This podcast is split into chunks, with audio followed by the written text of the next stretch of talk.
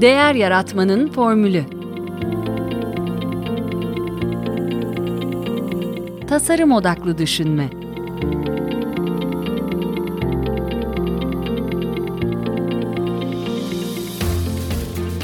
Merhaba, ben Mete Yurtsever. Değer Yaratmanın Formülü Podcast'inin ev sahibiyim. 1 ee, Mart'ta yayınladığım bölümde e, kitap kulübümüzün e, Şubat ayı buluşması kayıtlarından bir bölümü sizinle paylaşmıştım. E, Charles Duhigg'den alışkanlıkların gücünü konuştuğumuz e, Mart buluşmamız yine çok keyifli geçti. Ve aramıza ilk kez katılan arkadaşların e, konuştuğumuz o toplantının e, kaydını dinledikleri ve oradan imrenerek kitap kulübüne katıldıklarını öğrenince e, bu toplantıdan da enstantaneler paylaşmaya karar verdim.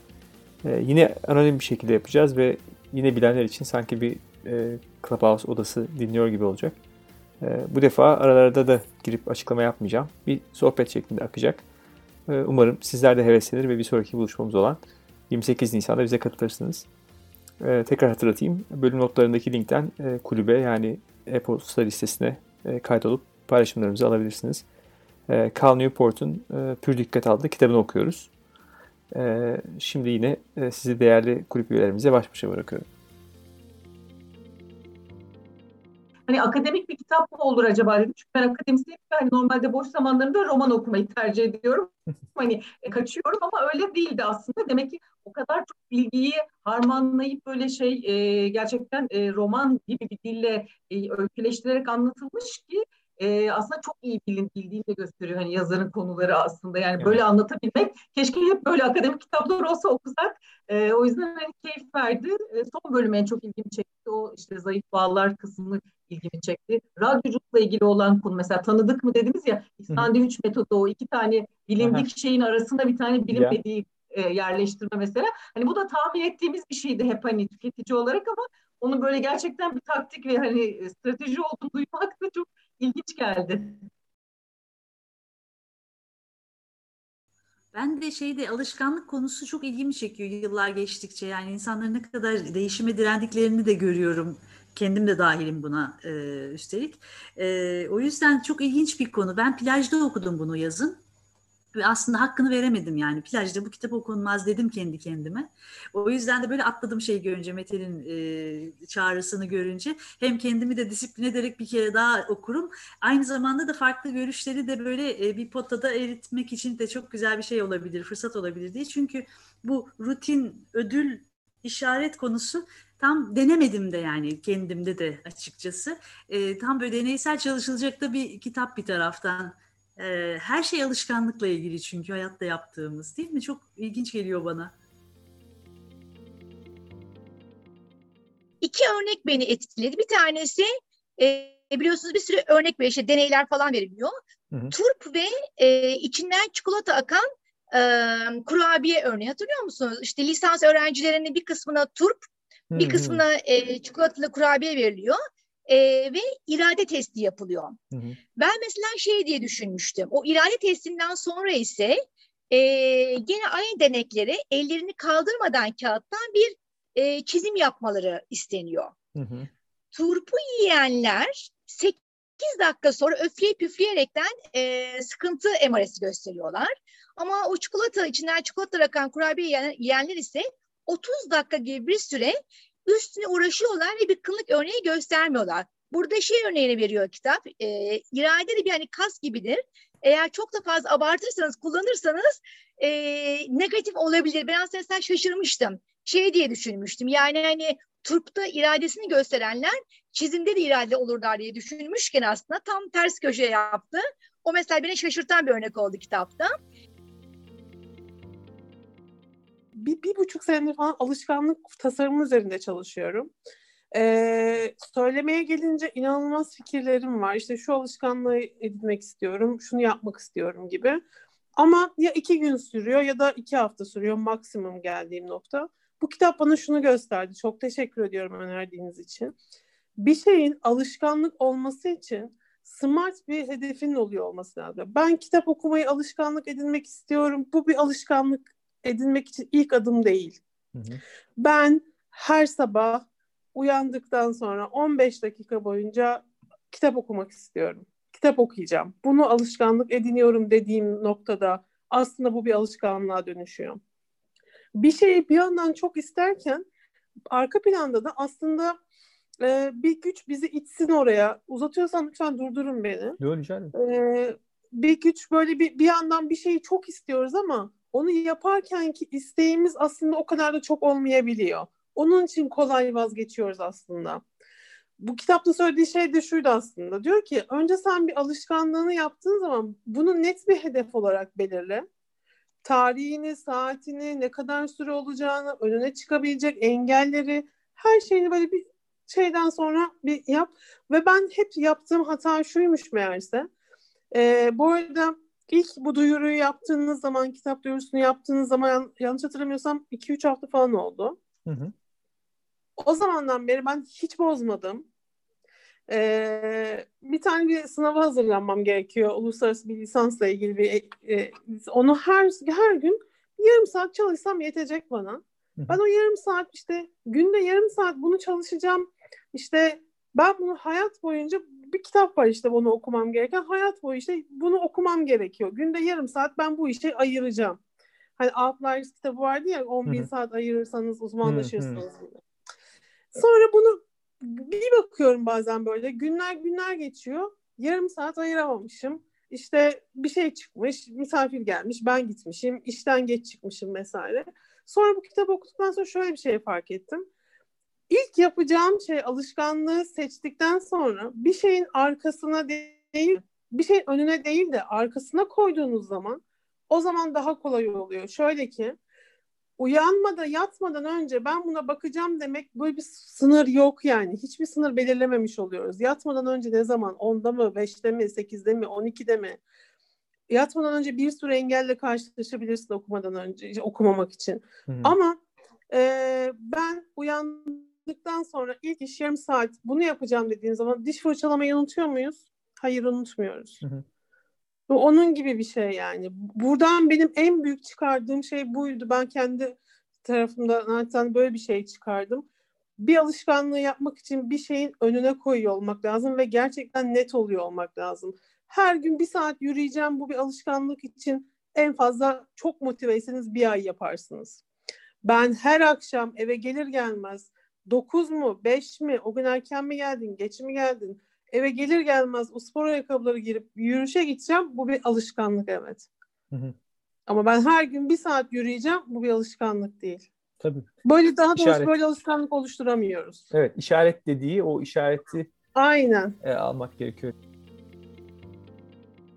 Michael Phelps örneği de çok güzel. Evet. Mesela işte gözlüğünün içerisinde su dolması ama bir anda gözünü kapatıp yine kendini hedefe odaklayarak eski alışkanlıklarını düşünerek onu kazanması hatta rekor kırması galiba olimpiyat rekoru ya da evet, dünya evet. rekoru kırmış. Hı hı. Ee, mesela işte burada da alışkanlıklar hep yapmış olduğu o hayalinde canlandırmış olduğu e, kazanma ritüelini tekrar bir alışkanlık olarak o sırada hayata geçiriyor tüm zorluklara ve engellemelere rağmen. Hı hı.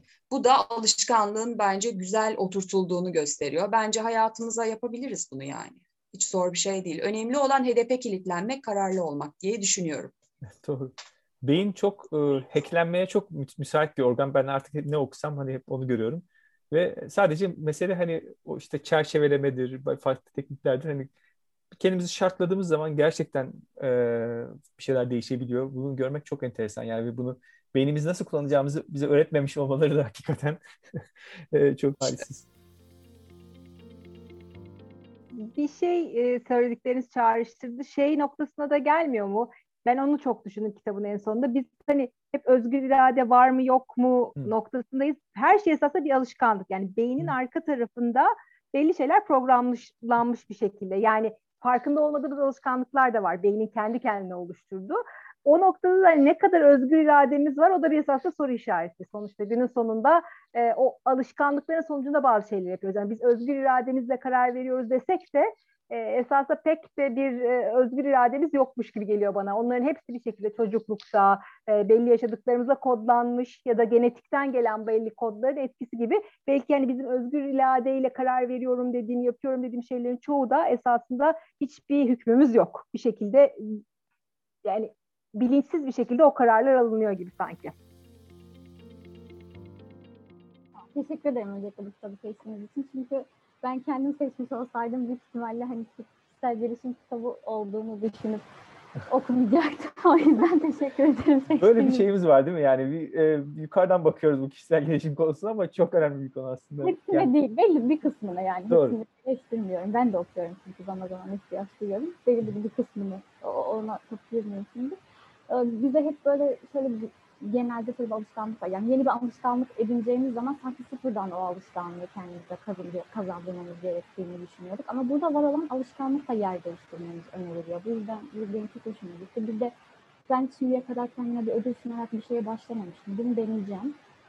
Böyle düşünmemiştim. Yani ödül olmadan kendi içsel motivasyonumu sağlamaya çalışıyorum. Ama bir de dışarıdan hani kendime bir ödül vererek bir şeyleri yapı en azından aklımda olup da yapmadığım birkaç bir şeyi hani dene, deneyimleyebilirim.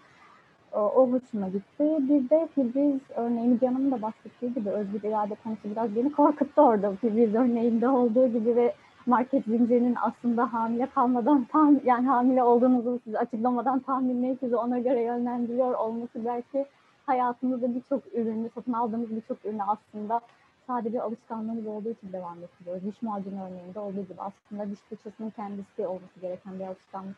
Ama macunu da yıllardır hani hiç kimsenin sadece fırçayı kullanıp macunu kullanmadığını düşünmüyorum ben. Hani varsa da çok az bir azınlıktır. O yüzden biraz da beni korkuttu yani bu anlamda biraz daha bilinçli, daha bilinçli ol, olmaya çalışacağım ben kendi adıma ne kadar yapabilirim bilmiyorum. Tabii ki bu kadar verinin çok olduğu bir, ortamda. Ee, onun dışında bir de Martin Luther King'in hani küçük bir kıvılcımla başlayan bir davranışın tepkinin nasıl toplumsal bir harekete dönüştürmesini beni hani merak ettiğim de bir konuydu. Hani e, kaba taslak bildiğim bir konuydu. O güzel açıklanmıştı. Ama bu tabii iyi kişiler tarafından kullanıldı, yani komiteler tarafından kullanıldığında iyi bir amaca hizmet edebilir ama tamamen daha kötü bir amaç içinde kullanılabilir tabii bu alışkanlığın kimler tarafından yönlendirilmesine bağlı. Hani bu anlamda bizim de şu an kitap kulübünde olduğumuz gibi küçük mikro grupları önemsiyorum ben kendi adıma. Pandemiyle birlikte tabii daha fazla insana, tanımadığım insana ulaşma şansı yakaladı. Ben bu anlamda pandemiye biraz daha olumlu tarafından yaklaşmaya çalışanlardanım. yani daha birçok şey söylemek istiyorum ama hani başka kişiler de konuşsun istiyorum. Hani benim kaçırdığım noktaları onlar da dinleyecektir. Tabii, tabii. istediklerim bu kadar. Bir de son bir şey olarak e, Müge Hanım da sanırım bahsetti. Bir kültürel anlamda da hani hepimiz alışkanlık e, kazandırıldığından bahsetti. Bu Doğan Güzeloğlu'nun bir kitabı vardı. Belki okumuşsunuz. Gerçek özgürlük. Orada kültür robotu olmaktan bahsederdi. Hani Z harfiyle başlayan bir şey söylendiğinde bize İ harfiyle başlayan bir hayvan söylenir. Hepimiz inek yani istemeden birçok kişi bu otomatik olarak cevap veriyoruz. Belki bu anlamda da hani kültürel anlamda da bize kazandırılmış e, farkında olmadan birçok alışkanlığımız var. Bunun için daha farkındalığımızı nasıl sağlayabiliriz? Biraz bende bir o soru işareti bıraktı yani hani kendi hayatımızı sorgulama kısmında. Ee, ben bir başka noktasına değineceğim kitabın. Çok keyifli bir kitaptı. Teşekkürler. Hani iyi bir seçim olmuş. Ee, evet, doğru. Sizlerin seçimi. Doğru, doğru. Ee, bir tane şey var. Ee, eminim dikkat etmişsiniz. Kitapta da çok uzun bir şirketle Alcoa. Hani hmm. e, Amerika'daki bir şirket ve güvenlik önlemleriyle, işçi güvenliğiyle e, başa gelen CEO bambaşka birisi ve e, şirkette çok ciddi bir atılım yapıyor vesaire vesaire. Ve orada da açıkçası şirketin alışkanlıklarını değiştiriyor. Ben şöyle bir tespitte bulundum. Bilmiyorum diğer katılımcılar nasıl destekler beni. E, şirketlerde sevdiğim yöneticilerin e, alışkanlıklarımda pozitif değişiklikler yaşattığını fark ettim. Yani normal çalışırken sevdiğim liderlerin ya da sevdiğim yöneticilerimin, sevdiğim iş arkadaşlarımın bana farklı alışkanlıklar kazandırdıklarını ve alışkanlıkları devam ettirdiğimi fark ettim. Mesela e, çok basit bir örnek belki ama işte bu işte seyahate ya da maillerinize cevap veremeyeceğiniz zaman bizde biliyorsunuz böyle bir alışkanlık yoktu. Otomatik mail sistemi çok da yaygın değildi açıkçası eskiden. Fakat ben bu alışkanlığı bir yöneticim sayesinde elde ettim ve bunun pozitif katkılarını aldım hep. Ee, hiç kimse kullanmazken kullanmaya başlamıştık çünkü. E, galiba şöyle bir durum var. E, insanlar bu tür liderlerin arkasından da gidiyorlar. Yani alışkanlıklarımız bize birilerinin arkasından gitmemize, birileri beğenmemize de, birilerini beğenmemize de vesile oluyor. Hı hı. Bilmiyorum diğerleri ne düşünür? Aynı hissi yaşıyorlar mı, paylaşıyorlar mı? Ben de hani kitaptan çok zevk aldım. Dili çok akıcı. E, 4-5 notum var. Şöyle ki alışkanlıkların bizim farkına varmadan, iznimiz olmadan oluşuyor olması.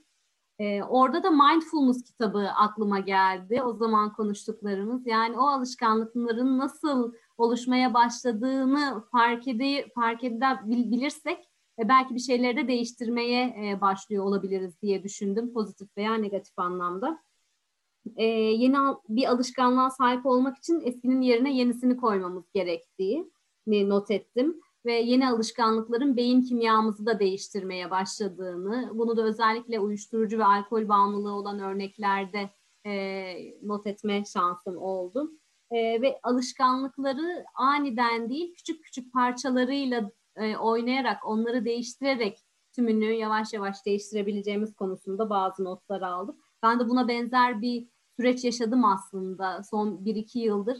E, işte hani sağlıklı, daha sağlıklı yaşama geçiş, e, işte fazla seyahatten spor yapmaya nasıl geçerim gibi hayatımı değiştirmeye çalışırken e, öyle biraz koşuyla son iki yıldır böyle bir alışkanlık değiştirme sürecindeyim ben de. o yüzden bana şey oldu böyle çok okurken kendimi bulduğum zamanlar oldu. Beyin kimyamın da değiştiğinin çok çok farkındayım. O yüzden cuk oturdu benim için. Teşekkür ediyorum. Kitabı çok önce okumuştum. Herhalde bir yedi yıl falan oluyordur diye düşünüyorum. Şöyle bir gözden geçirmeye niyet ettim ama fırsat yaratamadım bugün. Ee, öncelikle şunu söylemek istiyorum. Çok değerli bir kitap benim için de. İlk okuduğumda çok etkilendiğim, çok e, faydalandığım bir kitaptı. E, Neuroscience'la çok ilgilenirim. Dolayısıyla da onu çok tamamlayıcı bir kitap. E, ama az önce e, konuşmalardan şuna dikkatinizi çekmek istedim. E, alışkanlıkları hep eylem ve davranış boyutunda zannediyoruz ama düşünce alışkanlıklarına dikkat çekmek istedim. Az önce e, yöneticiler bağlamında iyi örnekten bahsederken evet hepimiz iyi örnekleri yaşamak isteriz. E, ama bir taraftan da ben de kötü bir yöneticiyle çalıştığım bir dönemi hatırlayıp oradan da çok şey öğrenmiştim. Dolayısıyla da e, alışkanlıkları bir de düşünce alışkanlıkları düşünce paternleri olarak direkt böyle düşünmek yerine acaba düşündüğümün ötesinde başka ne var diye bir boyuttan düşünmeye davet ederek e, sorgulamak istedim bir. E, bir ikinci daha bugün bir şey, farklı bir şey yaşadım. E, uzun süredir otomatik vites araba kullanıyorum. Bugün bir şekilde bir vesile kardeşime yardımcı olmak adına onun arabasını kullanmam gerekti. E, normal vites. E, ve direkt oturdum e, ve kullandım. Şimdi yıllar önce neredeyse herhalde 7-8 yıl oldu ben otomatik vitese geçeli. Yıllardır kullanmıyorum. Nasıl kullanırım diye hiç düşünme düşünce üretmedim. Sadece dedim ki hatırlar bunu. Çünkü ona dair bir şey var, sistem var burada.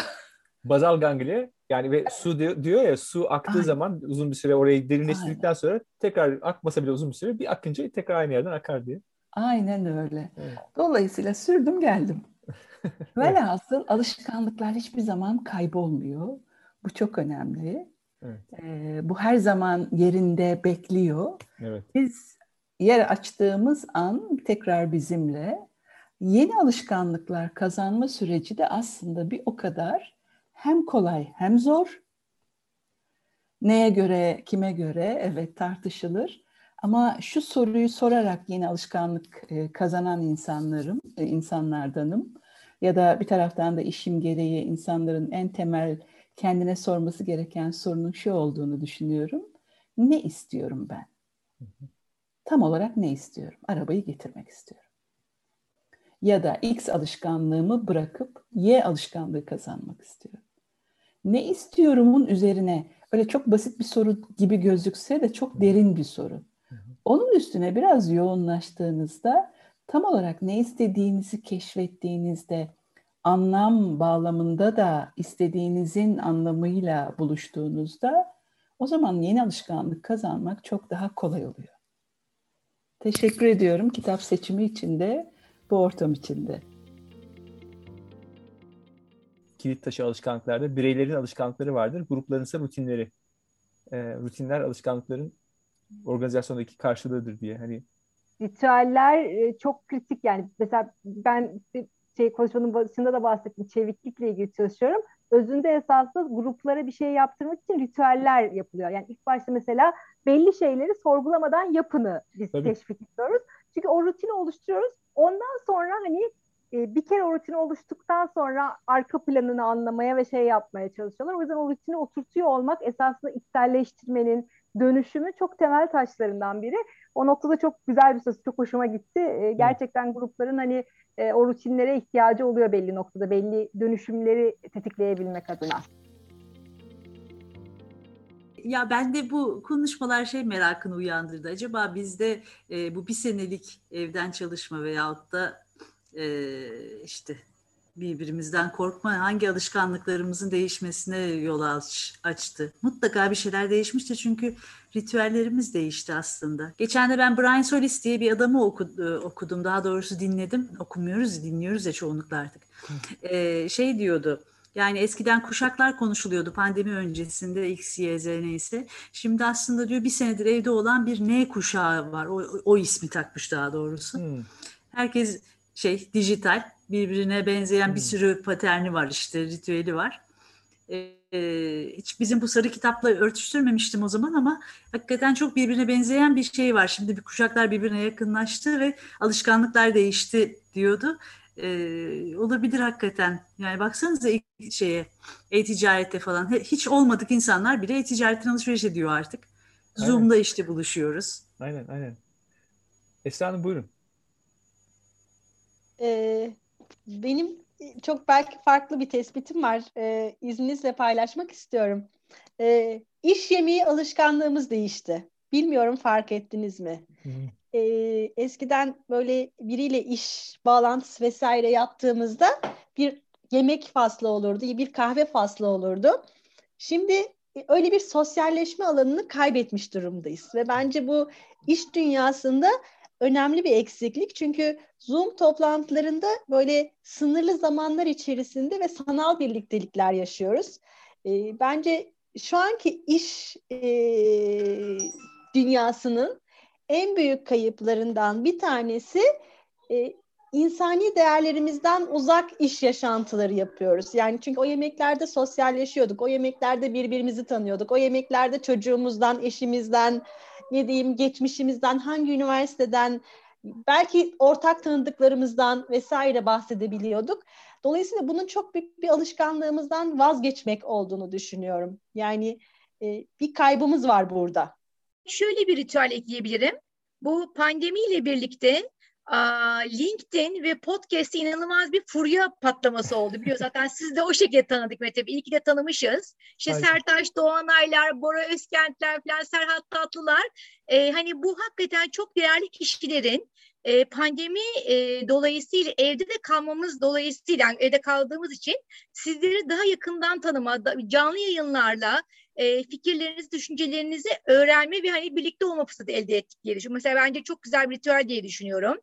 E, mesela bunun dışında e, artık ben mesela aşağıda böyle site içinde dışarı mesela yürüyüş yaparken eskiden müzik dinlerdim. Şimdi kaçırmış olduğum e, bu böyle hakikaten çok kıymetli düşünürlerin e, podcastlerini ya da canlı yayınlarını mesela dinler oldum. Öyle bir şey söyleyebilirim. Bir de mesela e, özellikle hani e, kadın arkadaşlar için e, Leslie Sanson'u mesela birisini keşfettim. Spor yapmak adına mesela dışarı çıkamıyoruz ya. Evde mesela bir mil, iki mil, üç millik programları var Mete Bey. Hmm. İnanılmaz yani istediğiniz vakit işte 15 dakika, 30 dakika ne kadar vaktiniz var ise artık spor salonlarına gidemediğimiz için evde mesela onunla terlip ter atıyoruz. Mesela bu da benim çok hakikaten alışkanlığımı değiştiren bir şey oldu. E, kişi oldu. Çok da tavsiye ediyorum denemeyenleri. Hani bana kitaptan hani özetle hani kalan tortu şöyle bir e, noktada özellikle de bu kötü alışkanlıklarla ilgili e, sonlara doğru mesela kumar alışkanlığı olan bir e, bayan var. O hani aslında e, çocukları büyüyor, okula gidiyorlar, bir boşluk var. Onun yerine hani faydalı güzel bir şey koyacağı noktada kumarı koyuyor. Annesi ve babasını kaybediyor yine aynı şekilde aslında biz kendimizi tanımayı ne kadar erteledikçe ve ihtiyaçlarımızı görmezden geldikçe insan olarak e, bu ihtiyaçları hasır altı e, olup bir takım e, tuhaf rutinler hayatımıza musallat oluyor değil mi? Farkında olmuyoruz. Ben kitabı okuma fırsatı bulamadım. Fakat şu dönemde ben e, Fransız bir yazar olan Jules Payton e, İrade Terbiyesi kitabını aslında okuyordum. Ve e, tabii konuyu ve kitap kitabı fazla dağıtmadan birkaç benzeşen noktalardan bahsetmek istiyorum izninizle. E, sadece şu cümle hatta bu, bunu ben e, bir postite yazıp hani azmış durumdayım. Her gün okuyorum hemen hemen bu cümleyi bu kitabı okuduğumdan beri. Olumlu hareketlerimizi yinelemezsek eylemlerimizin hasadını asla kaldıramayız. Hmm. E, yani aslında sabahtan akşama hani yinelem, yinelem, yarın yinelemeyeceğimiz bir hareket yaptığımız müddetçe ya da bir iş yaptığımız müddetçe, müddetçe bir sonuca gidemeyeceğiz. Yani e, dolayısıyla bir alışkanlığa dönüşmeyen bir işin aslında e, yani hiçbir anlam ifade etmediğini demek istemiyorum ama pek de bir anlam ifade etmediğini söylüyor. Burası bence önemli. E, başka bir konu da e, bir alışkanlık oluşturmadan önce derin düşün, düşünmekten bahsediyor bu kitapta. E, bir konuşmamızın arasında hani ya işte zayıflamak için spor yapmak gibi bir şey geçti. Kim bahsetmişti hatırlamıyorum ama örneğin ben ben de zayıflamak için farklı yöntemler denediğim oldu. Çok çok kilolu değilim bu arada. Hani böyle biraz daha sağlıklı olabilmek için e, sadece zayıflamaya bağladığımda, rakamlara bağladığımda bu işi evet ilk 3-5 kiloyu çok hızlı veriyorum ama sonra işte son 6. kilodan itibaren o hız düştükçe benim de e, bu kilomu düşürmek için e, edindiğim alışkanlıkla ilgili bağım her geçen dakika, e, her geçen gün e, yavaşlamaya başlıyor. Dolayısıyla derin düşünme de alışkanlıkları belirlemeden önce bence çok önemli. Yani e, alışkanlıklar e, alışkanlıkları derin düşünmeyle çok daha anlamlı bir noktaya kancasını bağlamalıyız ki bence. E, çünkü e, ne kadar böyle zayıflamak gibi e, ivmesi günden güne değişen kilograma mesela kilograma bağladık diyelim sporla ilgili konumuzu. ivmesi günden güne değişen bir şeye bağladığımızda e, bence e, alışkanlıklarımızı sağlam bir noktaya bağlamamış oluyoruz ve e, bir gün onu bırakma ihtimalimiz çok artıyor. E, çok teşekkür ederim e, verdiğiniz için söz. Benim üç tane notum var. Birincisi ben şuna inanıyorum. Alışkanlıklar e, akışkanlıklara dönüşmeli. E, eğer akışkanlık hali olursa o bir alışkanlık e, belki kodlardan gelen bir şeydir. Hani onu e, tabir etmeyle uğraşacağımıza biz bu alışkanlıkları e, hayatımızın içinde akışkanlığa dönüştürüp hani o ödül, rutin, işaret dengesinin de dışında biraz daha farklı yorumlayarak akışkanlık noktasına taşımalıyız. Yani e, ödüllerin de çünkü derecesi var. E, yaptığınız çalışmalarda her zaman ödül alırsanız da bir sonraki e, alışkanlığınızda ödülün de şiddetini arttırmanız gerekiyor. Onu akışkan halinde yaptığınız zaman da aslında o da bir rutine biniyor e, kendi içinde oynama e, flexible yapıyı siz kur, kuruyorsunuz. Akışkanlık çünkü bize bunu gösteriyor.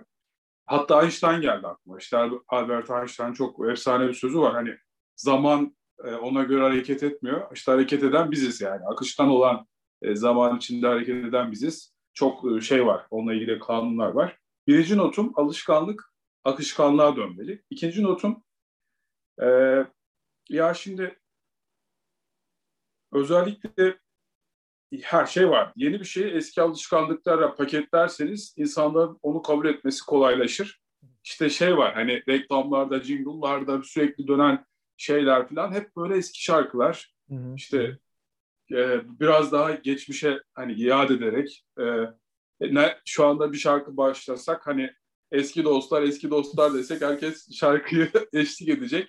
Yani o paketleme durumunda da o tüketici davranışlarına muhtemelen siz zaten işin içindesiniz pazarlama şapkanızla da buna çalışıyorlar ve alışkanlıklar bu şekilde devriliyor. Yani eski bir şeyi yine jenerik bir şeyle birleştirme hali denk geliyor. Burada da akışkanlık olursa biz onu da kültürel anlamda koddan mı geliyor yoksa bizim akışkanlığımızın bir parçası mı diye görüyoruz. Son olarak e, ya şey vardı işte kitapta bir örnek vardı. Dükkana girer girmez insanların sağ tarafa dönmesi. Bu dünyanın her yerinde bence var. E, yani Finlandiyalı da sağa döner. Çünkü aynı şekilde kafe ve restoranlarda da köşeye gidiyoruz. Yani kimse ortada oturmuyor. Bu bir e, hani kültürel bir şey mi? O aslında yine toplum kültür ilişkisi. O topu size atarım. Yani o benim çok alanıma girmez. E, yani burada da bir e, sanki şeyden gelen, gelenekten gelen bir yapı da var. Doğal olarak alışkanlığa ve rutine bizi iten şeyler. Son olarak da Acar Baltaş'ın hani şey var meşhur e, taşının sürekli bir yerlere gidin ve beyniniz o şekilde gelişir. Yeni bir yerlere taşındığınız zaman hani kontrol kontrol edilebilir e, stres seviyesindeyseniz çok güzel gelişirsiniz diyor. Muhtemelen bu kontrol edilebilir stres seviyesinde de alışkanlıkların bence akışkanlık haline geçtiğini görebiliyoruz diye düşünüyorum. Teşekkür ediyorum. Ben teşekkür ederim. Tekrar çok güzel vurgular yine e, Fatih Bey. Akışkanlık konusu da. E, yine Sinan Hoca onu söyler. Hani bu ben de niye ortaya oturmuyoruz? E, şöyle bir akıl yürüteceğim. Hani e, hayatta kalma içgüdüsü hani e, bir, bir toplantıda da hani e, bir gün ilk günde bir yere oturursunuz. ikinci günde de gidip aynı yere oturursunuz ya hani e, herkes şeyini değiştirmez. E, Sinan Hoca da onu şey diyor e, hani e, ilk gün beyin şöyle düşünüyor. İlk gün orada oturdum ölmedim. E, yine gideyim yine oraya oturayım demek ki ölmeyebilirim yani. Veya işte köşelerde oturmak da belki hani arkamı sağlam almak hani bir şekilde bir e, daha güvenli bir yer falan olabilir. Hakikaten çok bence beyin o kadar beynimiz o kadar ilkel daha doğrusu ilkel beynimiz bizi yönettiği için e, o duygularımız şey yönettiği için bence kendimize itiraf edemiyoruz. Bu podcast'te tasarım odaklı düşünme çerçevesinde hem yurt içinden hem yurt dışından kimi zaman davranış psikolojisi üzerine bir akademisyeni, kimi zaman bir tasarımcıyı, kimi zaman bir iş insanını, kimi zaman da değişim veya inovasyon üzerinde firmalara destek veren bir danışmanı ağırlıyorum. Amacım Türkiye'de bu konulara farkındalık oluşturmak. Buraya kadar dinlediğinize göre sizin de bu konulara ilgi duyduğunuzu anlıyorum. Sizden ricam güzel bir esnaf geleneğini devam ettirelim. Bu podcast'ten memnuniyetinizi arkadaşlarınıza, eleştiri ve önerilerinizi benimle paylaşmanızı istiyorum. Sanıyorum bunu en kolay LinkedIn üzerinden yapabilirsiniz. Beni ve Değer Yaratmanın Formülü sayfasını bağlantılarınıza eklerseniz çok memnun olurum. Desteğiniz için çok teşekkür ederim. Tekrar görüşünceye dek sağlıkla kalın, hoşçakalın.